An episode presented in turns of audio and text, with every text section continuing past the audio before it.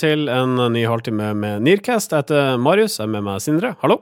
Hei, her er jeg. Jeg har med meg Marius. Hei, velkommen til eh, Eller takk for at jeg får lov å komme, mener jeg. Ja, Takk. jeg rakk vel egentlig ikke å introdusere deg helt, for dere har eh, en uvane med å avbryte meg. Jeg har eh, tenkt mye på det med at jeg skal slutte å avbryte så mye. Ja, jeg også. Hva har du ellers tenkt på denne uka? Jeg, jeg har tenkt mye på eh, det at vi er i gang med et uh, nytt år. Eller sånn, Det har blitt gjort veldig tydelig for meg, fordi uh, det er uh, fullt av ting i, i livet mitt som plutselig har dukket opp fordi alle, alle skal gjøre nye ting siden det er et nytt år. Både på jobb og, og ellers. Så jeg føler at jeg, at jeg er- litt All den julefrien jeg klarte å bruke til å bli avslappet, den er nå bortkasta. Eller nå er jeg tilbake igjen på liksom vanlig eh, stressnivå. Eh, men eh, det er jo likevel fint med dette parenteset da, hver uken, som er NIR, som eh, gjør hvor vi kan slappe av og fjase og kose meg. Og så, lurte jeg veldig på hva dere gjør 28. januar, og da mener jeg ikke bare deg og Sindre, jeg mener alle. For da har jeg hørt at det er mye, veldig mye bra standup på Dattera til Hagen i Oslo klokken åtte. Så der, der ville jeg møtt opp, Ja. hvis jeg var dere. Uh, har du gjort ferdig settet ditt? Jeg antar, antar du skal opptre? Ja, jeg skal opptre. Eh, Jeg, jeg, jeg har gjort ferdig mye av settet. Det blir, jeg skal gjøre et sett som er litt sånn i NIR-ånd. Eh, Jeg skal eh, ja, ta, litt blir vi sånn invitert? Te tematisk okay. NIR-messig. Så det blir enten kjempespennende Kult, eller ikke spennende, men eh, for meg blir det gøy. Ja. 28. januar der, altså. 40 statsledere gikk arm i arm under en demonstrasjon i Paris siste søndag. Demonstrasjonen ble holdt som svar til terrorhandlingene i Frankrikes hovedstad, og det ble bråk da den ultraortodokse jødeavisa The Announcer photoshoppa Angela Merkel ut av et bilde av disse statslederne. Ja, det var jo meget spesielt. Nå er jo Angela Merkel en uh, markant personlighet, og omfangsrik også, sånn rent fysisk, men uh, trenger ikke å photoshoppe henne ut uh, fordi fordi at, fordi at liksom man tar mye plass. Så jeg skjønte ikke hvorfor de hadde gjort det. Det var vel ikke estetikken som lå til grunn her, det estetiske mm, mer det faktum at hun var kvinne, var det ikke det? Nei, det var vel det, for det var flere andre kvinner også som uh, var borte fra det bildet. Uh, og det var jo litt, uh, litt vel konservativt, kan man si. Eh, at du liksom ikke kan se kvinner engang. Jeg, jeg syns jo det er litt, eh, litt spesielt at eh, når de først skulle redigere ut folk, så har de ikke redigert bort uh, Mahmoud Abbas, som er palestinsk president. Så måtte selv med den lange konflikten som Israel og Palestina har, og alle de eh, tårene som har blitt eh, falt for eh, alt som har skjedd der, så er likevel eh, palestinerne mer populære enn kvinner i Israel. Ja, krigen mot Eller blant ortodokse ja. jøder, da. Kanskje Israel er Altså, litt feil krigen mot si. kvinner er viktigere enn krigen mot palestinerne. Ja. Eller, eller mot terrorisme, faktisk. Ja. Tror jeg. Ja. For denne avisa, da. De ultra, eh, jeg vil bare kommentere at de ultraortodokse jødene de har vært i vind den eh, siste tida. Altså I løpet av noen måneder så har jeg sett eh, i hvert fall to um, isolerte hendelser der noen ultraortodokse jøder har forsinka flytrafikken. Ja. Vi har leid inn First House for å få litt medieomtale. Ja, det er, det er utrolig irriterende folk. Ultraortodokse jøder! ganske, ganske irriterende type folk. er, det er sånn hår i suppa-folk, da. Altså sånn Skal drive og forsinke oss. Det kan jo hende det er en teatersportgruppe, eller sånn performance-gruppe. som på en måte er mot modernitet, eller noe sånt. da. Eh, Som sier nå skal vi demonstrere mot alt det moderne. Ja, eh, kvinner og fly henger jo også sammen, for det var jo da altså slik at eh, disse jødene har forsinka fly fordi de måtte sitte ved sida av kvinner. Men altså, hvis det ikke er slik at du kan sitte ved sida av kvinner, så må du bare kjøpe det rade, da. Det kunne være en del. det. Ja, eller bli hjemme. Og det tror jeg er det beste for alle. Men uh, satirebladet Waterford Whispers News, for å gå tilbake nå til uh, The Announcer som photoshoppa Angela Merkel ut av bildet. Waterford Whispers News hadde et uh, glitrende sarkastisk svar til denne manipuleringa. Ja, eh, de, de valgte jo da å photoshoppe alle, alle mennene på dette, bildet ut av, eh, ut av bildet. Så det kunne stå inn sånn tre liksom, ensomme kvinner eh, på en motorvei. eh, som, er, som er så morsomt. Eh, og på sin plass, vil jeg si. Ja, på sin plass. Det så, det så ikke ut som en demonstrasjon, men det så veldig morsomt ut. Ja. Så ut som tre tilfeldige kvinner som uh, sto på en vei. Ja, som, ikke, som ikke kjente hverandre så godt. sånn, litt sånn awkward, eh, Hvorfor personlig så, Hvorfor er vi her? Litt Ja, var eh, sånn. følelsen jeg fikk. Nå, Er det noen som vet hvor vi skal? Nei, det var, det var morsomt svar, det. altså. Ja. All right. Vi har uh, snakka oss varm nå, gutter. Jeg tror uh, vi bare gjør det slik at vi sier hjertelig velkommen til NIR episode 96. Norske informasjonsrådgivere. First House er 2014s mest omtalte PR-byrå, det hvis tallet Retriever har renta ut på oppdrag for kampanje. Huset er omtalt hele 3359 ganger, noe som er mer enn dobbelt så mye som andreplassen. Gelmyten Kise. Administrerende direktør eh, Per Høiby kommenterer tallene slik. Summen av kompetanse og kunnskapen til våre medarbeidere gjør oss som selskap interessant for omgivelsene. Ja, det er en diplomatisk eh, måte å, å kommentere disse tallene på. Eh, og det er jeg syns det er litt interessant at ikke GK og First House er, er nevnt like mye. fordi hver gang eh, First House er nevnt, så er Gailmaiden Kise nevnt, og, og motsatt. Fordi alle sakene er jo Hans Gailmaiden er skeptisk til First House, mer eller mindre. Eh, og og det er, dette, er en, dette er et ledd i Har vært liksom eh, GKs eh, fremste kall det kommunikasjonsfaglige grep i året som har gått for å få oppmerksomhet, det er å snakke om First House, for de vet at eh, da får de spalteplass. Jeg, jeg tror jo media også ser på Hans Gelmund som et eget byrå. sånn at De eh, refererer ikke til Hans Gelmund som ansatt i Gelmund Kise, men som bare Hans Gelmund. Kanskje derfor ikke Gelmund Kise er omtalt like mye. Så hvis de hadde søkt etter bare Gelmunden, så ville tallene ha visst noe helt annet her. Vil jeg tro. Eh, Jeg har ikke gjort det, sjekka opp i det selv, og burde gjort research på det, selvfølgelig, men det har jeg ikke gjort. Men jeg vil tro at det har en sammenheng, for de henger jo sammen som eh, erteris, eller hva det heter for noe. Eh, De har liksom vært etter hverandre hele veien eh, i fjor. Eh, Som, som sånne hakkehøner. eh, Katt og mus er kanskje en bedre Katt, eh, katt og mus. Jeg tenker på er hakkehøner. Jeg fikk ikke, jeg fikk ikke noe godt bilde på det, så det er jo katt og mus er bedre. Gambit er jo nummer tre på lista, og Børsen Marshall er nummer fire. Det er jo to byråer som, som ikke har vært i noen kontroverser, i hvert fall ikke egeninitierte kontroverser. De har jo kanskje blitt dratt med av Hans Gelmin eh, nå og da.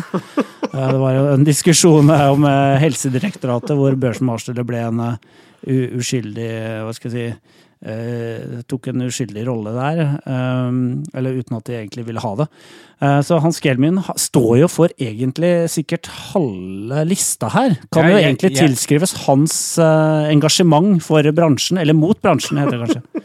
Samtidig så er det jo litt av et år eh, First House First Price, hadde jeg på å si. Det er noe helt annet. First House uh, Si ikke det. Jeg sier ikke det. Uh, First House har hatt. Altså, de har jo blitt anklaga av Harald Stanghelle for å uh, løpe Kinas sak. De har blitt anmeldt av Greenpeace for, å, og Fremtiden i våre hender for å jobbe kommunikasjonsfaglig for ulike organisasjoner som ikke vil at skal få kommunikasjonsfaglig hjelp. De har blitt klagd inn for KOMs etiske råd av nevnte Hans Gelmaiden fordi de er en bunch med uetiske jævler, visstnok. Eh, og de har vært i PFU da vedrørende denne Harald Stanghelle Aftenposten-saken og vunnet frem. Så det har jo vært eh, Altså, det må jo ha føltes ut som en eh, ganske et ganske hektisk år. Ja. Så hvis noen lurer på om måtte, First House kan krisekommunikasjon og krisehåndtering, så vil man jo kanskje kunne si det at de er sitt eget case, på en måte. De er, hvis de noen eh, vil lure på det, kan de bare si ja, men vi har håndtert oss selv. Men uh, First House er på mange måter blitt en slags uh, reality-stjerne blant PR-byråene.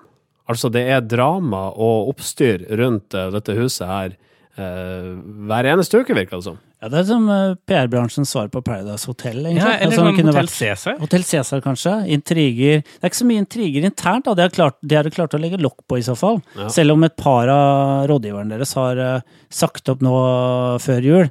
Men jeg vil jo tro at det er uh, Det Ja, at noen slutter i First House, det er kanskje ikke så unaturlig. Altså, Men at de to sa opp så kort tid etter julebordet, det, jeg, skal ikke, jeg skal ikke spekulere, men eh, det åpner jo for mye, for mye tanker. Og når de ikke kommenterer det, så skaper det et vakuum Ja. for spekulasjon. Ja, ikke sant? Og det er det vi prøver å dra opp igjen nå for Ja. 2015. Det skal også være First House sitt år. Jeg, jeg føler, jeg ser for meg at ledd to i Hans Gelmaidens uh, kampanje er nettopp det å begynne å trekke ut liksom, interne intriger i First House. Sånn, hvem ligger med hvem. Altså, jeg, jeg vil tro at Hans Gelmin har lagd et sånt årshjul. ikke sant? Nå er det juletrefest. Nå kommer det snart noen sånne rykter rundt Tematiserte det. sånn der på. First House prøver å avskaffe påskeferien. Ja. Dette er, på slutten av dagen så er dette her eh, bra nytt for First House, å være omtalt så mye, selv om mye av det er negativt. Ja, altså, fordi det er, det er ingen som tviler på at altså, selv når det blir omtalt negativt, så er det likevel sånn der at de faktisk får ting til å skje. ikke sant? De påvirker og trekker i tråder og er skumle jævler, men ting skjer jo, ikke sant? og folk får penger de ikke, ikke skulle hatt osv. Og, så videre, og det er ganske appellerende for de som trenger PR-hjelp. Så jeg vil jo tro at eh, ja, det er bare bra for First House. Norske informasjonsrådgivere. Andrew Watts er en 19 år gammel herremann som eh, står bak, et blogginnlegg om sosiale medier, og dette innlegget er angivelig delt haugevis av ganger den siste uka. I innlegget så analyserer Watts eh, forskjellige plattformer, som alle samler under paraplyen sosiale medier, og vurderer dem da fra et tenåringsståsted. For folk synes å være veldig opptatt av eh, hvordan tenåringer bruker sosiale medier, men jeg har til gode å se at en tenåring faktisk tar del i debatten, skriver Watts. Um, det er en annen Altså, det, det, er, det er tilsvar til Andrew Watts som vi skal gå inn på litt uh, senere. Men uh, Sindre, kan vi få ei utgreiing om Watts sine konklusjoner, og hvorfor dette blogginnlegget er så mye delt som det det er? Jo, for at, uh, det, er, det er litt for at tenåringer er en litt sånn black box for oss uh, eldre. Altså, Vi vet ikke helt hvordan de funker, og hvordan de tenker, og hva de gjør. Så når en tenåring går ut på, på, på en måte og for, kommuniserer noe til oss voksne, som vi, som vi, også kan ta del i, så er vi veldig interessert i å høre på. Og Andrew Watts han skriver veldig godt, og så er han veldig sånn ja, han formidler veldig systematisk hvordan han og hans kompiser og de han kjenner, forholder seg til forskjellige sosiale plattformer. Det er en del av konklusjonen som er interessant her. Han sier f.eks.: Facebook er dødt for oss, og mange av oss skjønner ikke Twitter. Og så nevner han en rekke tjenester jeg aldri har hørt om, men så er ikke jeg noen tenåring heller. Ja, gikk jack eller noe sånt. Det tror jeg ikke er tilgjengelig i Norge engang. Men han sier noe interessant om Facebook, og det er at det er et middagsselskap man ikke kan forlate. Og begrunner det med at nå er liksom hele slekta der og alle generasjoner. Så det begynner å bli ganske slitsomt å være der. Og i den grad han og hans venner er på Facebook, så er det å diskutere i grupper. For det er ganske eller avgrensa Mm. hvem, hvem som er med der, så han slipper å dele ting til alt og alle hele tiden. Hvorfor blir innlegget så populært? Nei, det er fordi man, man, føler at man får et visst sånn innblikk i hvordan da denne blackboxen med tenåringer eh, tenker. Eh, og, så, og, så, er det fordi han, han skriver godt, og han, han, har bygd opp på en liksom pedagogisk måte. For, sånn, for han, han, forklarer f.eks. For eh, rollen han opplever at Facebook kontra Instagram kontra Snapchat har. Hvor han sier at eh, Instagram det er der man går for liksom, å se litt finere innhold. Da, for der er folk litt mer flid og legger filter på bildene og kontrast og liksom, for å se fine bilder. da. Eh, men Snapchat er liksom det eneste stedet han føler han virkelig kan være seg selv. da. Og Der bare legger man ut uh, stygge ting. og altså, sånn, Man bare legger ut alt mulig rart hele tiden. og Det er det som er liksom, mest ufiltrert og virkelig mest personlig. da. Det er interessant det han sier, for han, han snakker om sosialt press, som mange ungdommer er opptatt av, eller som vi leser at ungdommer er opptatt av i media. Og Snapchat er en tjeneste han mener at er, den, der utsettes man ikke for noe sosialt press, for det er liksom ikke noe press om å få likes, eksempel. Og, altså, det er ikke den sånn som på Facebook og andres for eksempel på Insta, da, hvor man liksom jakter likes. Da. Mm. Han skriver jo det at når han legger ut noe på Instagram eller Facebook, hvis ikke han har fått noe likes eller kommentarer innenfor et kvarter, så sletter han, så sletter han det. Og det er jo sånn som liksom mediebyråene jobber med performance. Altså, ja. Det er sånn som vi jobber med sosiale medier liksom, for kunder. Mm. Burde fått seg jobb i byrået, han. Han skriver så bra blogg. Da får du jobbe i byrå. Det er som ja, ikke sant. Kan du bli bloggansvarlig i et stort internasjonalt uh, PR-byrå, f.eks. Starcom uh, trenger community manager, manager, har jeg sett. Uh, ja. Som ja. ja, ja, vi skal Kirin inn Watts. Jeg håper han kommer All right. til oss. Ja. Analysen er også svært populær på nett, men det er ikke alle som er like begeistra, deriblant forsker Dana Boyd. Ja, for hun mener at uh, du kan ikke du kan ikke høre på en oppgående amerikansk college, hvit college-student og tenke at sånn er alle ungdommer. For de aller færreste ungdommer er i den situasjonen. De, de færreste, de mange ungdommer i USA, da, særlig snakker hun om, de, de har ikke utdannelse. Og de bruker sosiale medier på en helt annen måte og sier at svarte tenåringer og og mm, ja, eh, latinamerikanere, de bruker Twitter i stor grad. For eksempel den Ferguson-skytingen som var eh, i, før jul. Da ble Twitter brukt ekstremt mye for å mobilisere blant eh, en del unge grupper. Så vi mener det er litt skummelt, da. Det, det interessante perspektivet hennes det er at det er skummelt når vi tror at alle ungdommer er som Andrew Watts, for da vil vi også utvikle tjenester i tråd med hans syn, og da glemmer vi alle de eh, som har andre vaner, og som kanskje trenger eh, å bli sett i også. Men altså, på, altså, for det første så sier jo Andrew Watts at eh, nå mener ikke jeg å generalisere på bakgrunn av mine observasjoner og mine erfaringer. Jeg har gjort det nå det ene. Og så tenker jeg det andre. Innholdsutviklere, hvis de er så dumme at de eh, bruker ett blogginnlegg som sannhetsskall for å utvikle en eller annen tjeneste, så får de beha ha det så godt. Ja, men det, det er altså det som egentlig er poenget til Dana Boy. da, Hun sier jo det at eh, ikke, ikke noe galt med det som innlegget til Andrew Watts, og det, Han skriver godt, og det er, det hun tviler ikke på at det er sant for han og måte, de som om, omgir han. Men hun sier at i USA så utgjør tenåringsgruppen ca. 16 millioner individer. eh, og det å måtte, at, tenke at alle er én gruppe som altså Hun, hun kritiserer først og fremst de som deler dette, dette innlegget, og hun hun har fått masse mailer med dette, dette innlegget hvor det på en måte blir eh, lagt frem som den hellige gral, og dette er sannheten, dette er liksom sånn det er, se, se hvordan ungdom er, sånn må vi agere. Og hun bare ber folk liksom tenke seg om to ganger. Eh, og da tenker jeg sånn, Sannsynligvis er det neste kommentaren for deg, Marius, ja, men det burde jo alle skjønt. Det er helt unødvendig at hun skal trenge å skrive dette.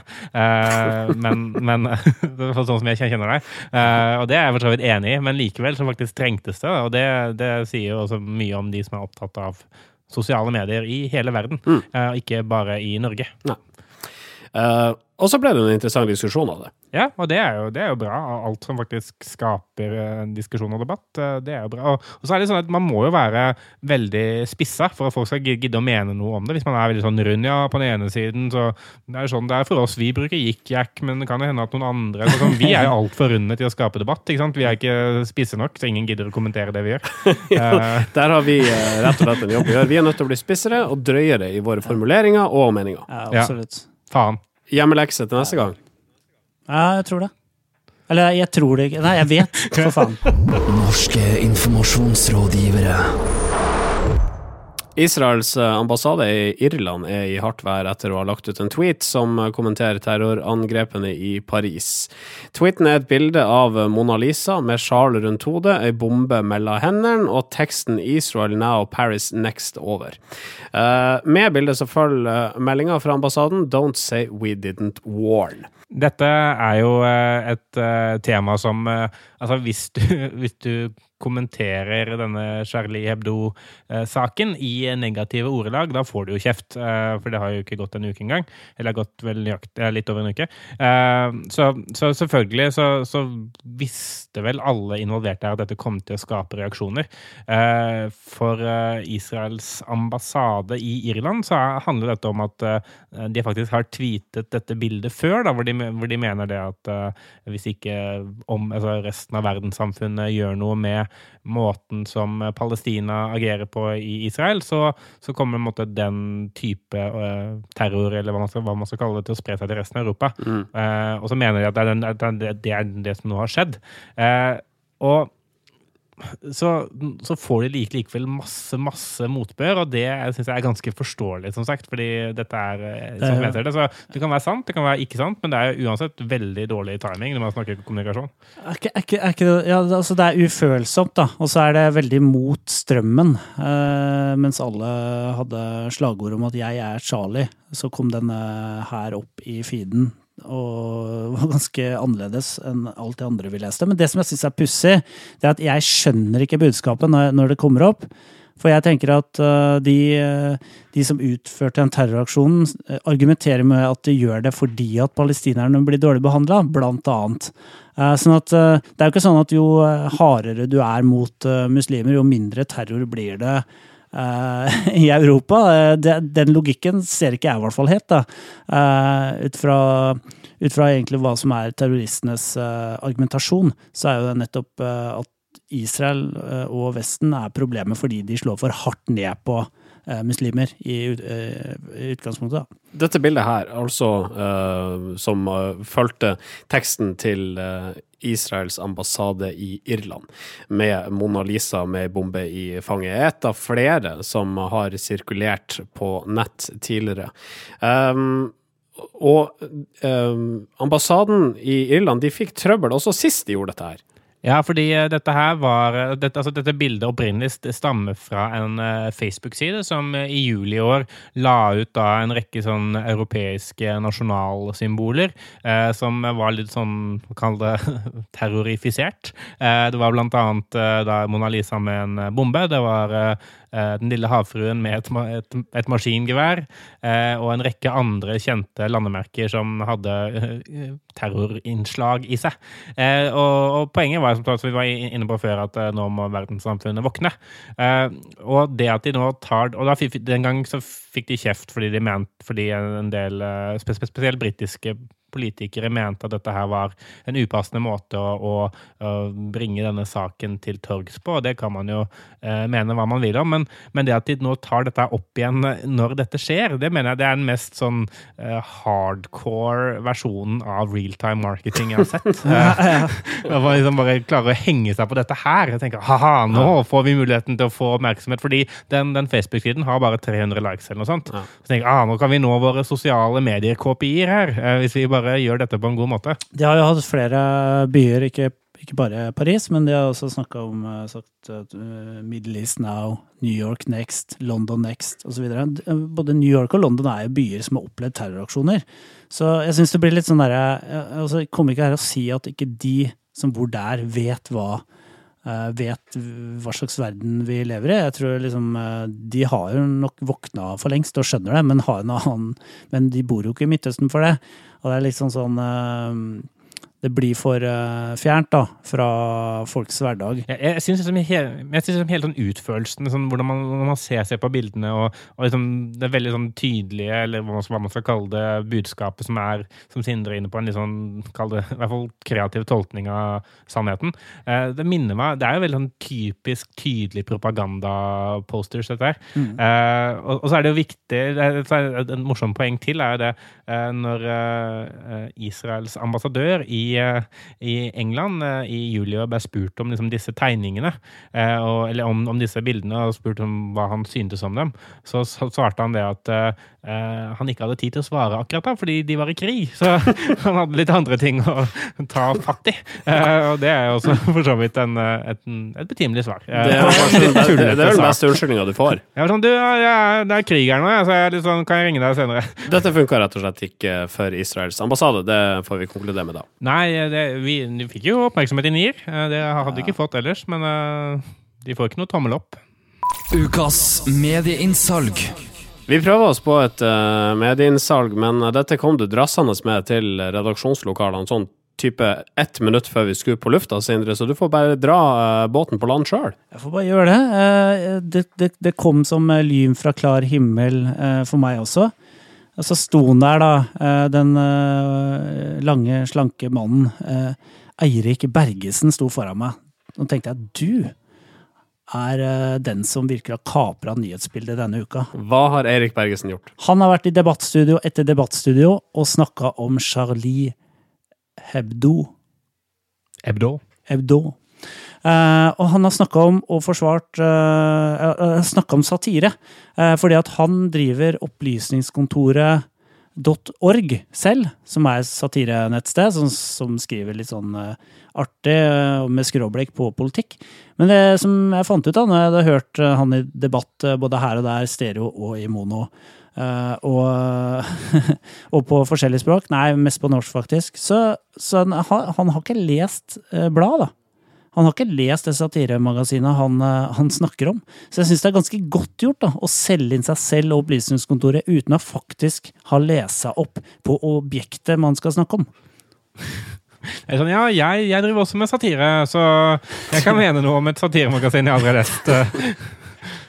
Du kan vel prinsipielt mene noe om et fransk, et fransk satireavis, selv om du kanskje ikke har lest den? Jo, men det, det, det, det er morsomt i en debatt. Jeg kan, kan ikke mene noe om dette spesifikt, men prinsipielt skal jeg si om, sat- om satire at det trengs. Jo, det, det, det, kan, det kan du, men det blir sånn etter hvert når, man, når, når, han, eh, når han snakker eh, mye om dette her, så blir det etter hvert som om får du følelsen av at ja, han sitter jo faktisk i redaksjonslokalene deres akkurat nå og snakker til oss. Eh, fordi at han snakka så mye om det at det virker som han kjenner de ut og inn. Eh, og og liksom vet uh, hva slags kaffe redaktøren uh, foretrekker osv. Men så har han egentlig ikke lest det.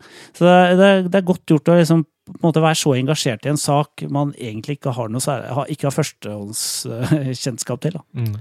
Krasse beskyldninger der fra Sindre Holme, som altså antyda at han godeste Erik Bergesen prøve å profitere på massedrap i Paris. jeg vil la meg legge til at uh, han er en veldig hyggelig fyr, da. jeg, jeg, jeg, kjenner ikke Erik Bergesen, men på prinsipielt nivå vil jeg si at uh, menn kan uttale seg om mye ting. Vi setter stopp der. Ukas kudos. Kudosen går til Facebook. Hvorfor det? Eh, Facebook de har uh, lansert en ny ny det funksjonalitet i sin i, på sin nettside. og den, det er en funksjonalitet som automatisk sørger for at barn som er savnet, blir synlig i newsfeeden i måte, de områdene hvor de er samlet. og det, det er en, måte, en sånn ting som Eh, på en side er det veldig enkelt for, eh, for Facebook å gjøre. Sånn, det krever sikkert programmering og samarbeid med rette myndigheter osv., men som kan gjøre virkelig virkelig forskjell i folks liv. Da, og det at de faktisk eh, gidder å ta seg tid til å gjøre det, istedenfor å utvikle enda et nytt annonseformat, det, det syns jo vi er stas. Mm. I USA så, det, så, er jo det ganske utbredt. De har noe som heter Amber Alert, som er sånn du, du kan få det på store utendørsreklamer langs motorveien. Så kan du få beskjed om uh, barn som er um, forsvunnet. Da. Så det er jo et ganske sånn et system som funker bra, og som har egentlig bidratt til at myndigheter og politiet har, har funnet mange barn. Men Facebook må jo være enda mer effektivt, siden man bruker da veldig mye tid på Facebook hver dag, og da blir eksponert for, for en sånn savna-melding som man også kan spre. Eh, så må jo det være en kjempe Ja, det er rett og slett et kjempebra tiltak, sånn som vi ser det. Norske informasjonsrådgivere. Det drar seg mot slutten. Vi fikk ikke snakke om at TV 2 Nyhetskanalen nå har fått en egen Twitter-korrespondent. Legg merke til overraskelsen i, i, i, stemmen min der. Det er fordi at jeg leste rett av sendeplanen. ja, den er så velskrevet, den sendeplanen, at du kan egentlig bare lese den rett av. Ja. Trenger ikke å dramatisere nesten engang. Uh, ja, de har en dresskledd kar som sitter foran en PC. Uh, eh, TV 2 har jo korrespondenter i Ramallah, Jerusalem, Kabul osv., og, så og på Twitter. Ja. Uh, og han leser da rett av tweets. Ja, det er en som sier her at uh, fotballfrue er jo et realityshow for seg selv. Ja, så er det en annen som mener at fotballfrue må få gjøre som hun vil. Ja, det er sånn han leser de tweetsene. Som om man står foran uh... Nå sitter jeg her på Twitter uh, på, i uh, kontorlokalet i andre etasje. eller møterommet, men jeg kaller det kontor fordi jeg har ikke fått noe kontor ennå. Og her er det mange som mener noe. Ja, skal jeg se på en tweet her. Hans-Wilhelm Steinfeld, Twitter.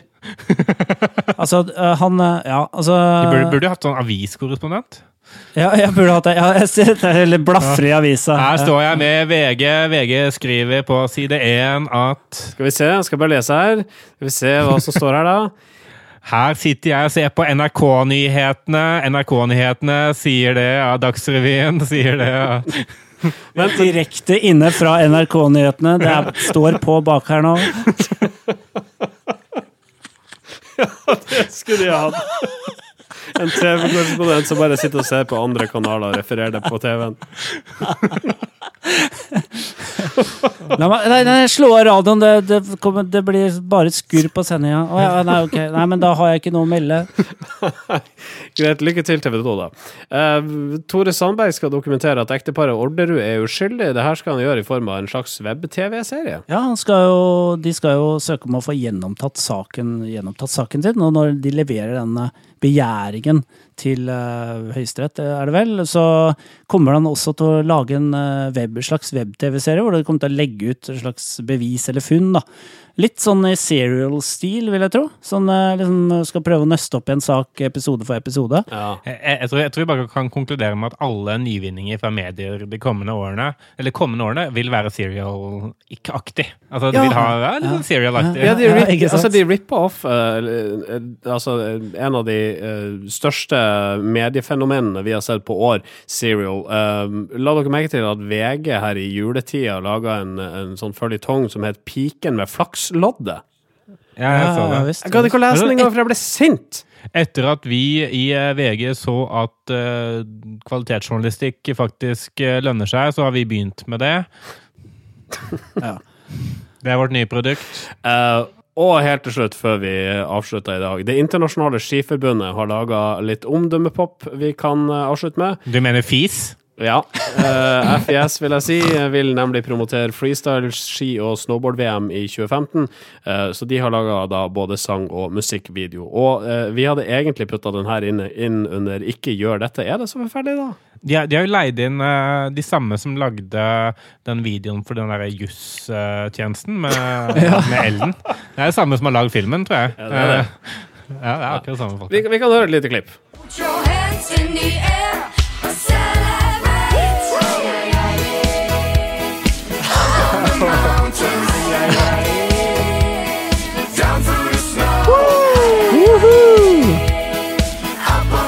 Litt catchy, da? Det er litt catchy. Jeg ser for meg Sean White og co. eh, headbanger til eh, den låta her. Altså. Det høres ut som, som afterski, men det er preski. Det, det hører jo det hører liksom litt mer til historien at eh, for noen år tilbake så ble jo snowboard eh, olympisk gren, og det var jo veldig splittelse i snowboardmiljøet den gangen. Eh, og, Terje Terje Håkonsen han vil ikke være med, for han kjører ikke for medaljer, han kjører for brettet. og da ble, men, men det ble jo en sånn Terje Det ble jo en sånn Håkonsen han er altså verdens mest hardcore snowboard-man. Ja, det som skjedde var at Fiss FIS eh, fikk jo da eh, Tvang jo seg på en måte snowboard inn eh, hos seg som en del av For at det skulle bli eh, på OL-programmet, så måtte FIS eh, ha, ha regien på det. Og det likte jo liksom ikke eh, snowboardforbundet, internasjonale snowboardforbundet. Så her har det jo vært en sånn krig mellom FIS og liksom og de som ønsker å ja, ikke ha noe med FIS og IOC å gjøre. Da. Så det hjalp ikke noe særlig med denne videoen. Jeg tror ikke det hjalp. Jeg tror det bare liksom eh, sementerte et inntrykk at uh, FIS er, eh, er eh, drit, da. Du, uh, nå tror jeg vi gir oss. Nå har vi prata alt, altfor lenge. Uh, nå har jeg masse nei. jobb foran meg med å klippe det her. Tilbake, tilbake til hverdagen, eh, folkens. Faen. Ja, ja. Vi får komme oss ut av nirbobla og glede oss til neste gang vi skal klatre opp i henne. Det blir da eh, fredag om ei uke. Du finner oss på facebook.com slash nearcast. Vi har en eh, e-postadresse, Eh, vi er på iTunes eller i din favorittpodkastspiller, eller altså da gjennom din favorittpodkastavspiller. Uh, vi er også på soundcloud.com slash nearcast. Vi er også på uh, Snapchat uh, med kontoen Nearchat, men uh, han som er ansvarlig for den kontoen, han oppdaterer den ikke lenger. Og, og vi er eh, hver fredag så blir vi omtalt på Kreativt forum. Eh, ditt valg for nyhetssaker knyttet til kreativitet eller forum. Eh, ja. Og eh, du uh, snakka om før sendinga at du hadde tatt noe statistikk som viser at de aller fleste hører på oss eh, gjennom sine AI-enheter, og spekulerer i er det rett og slett vanskelig å høre podcast på Android.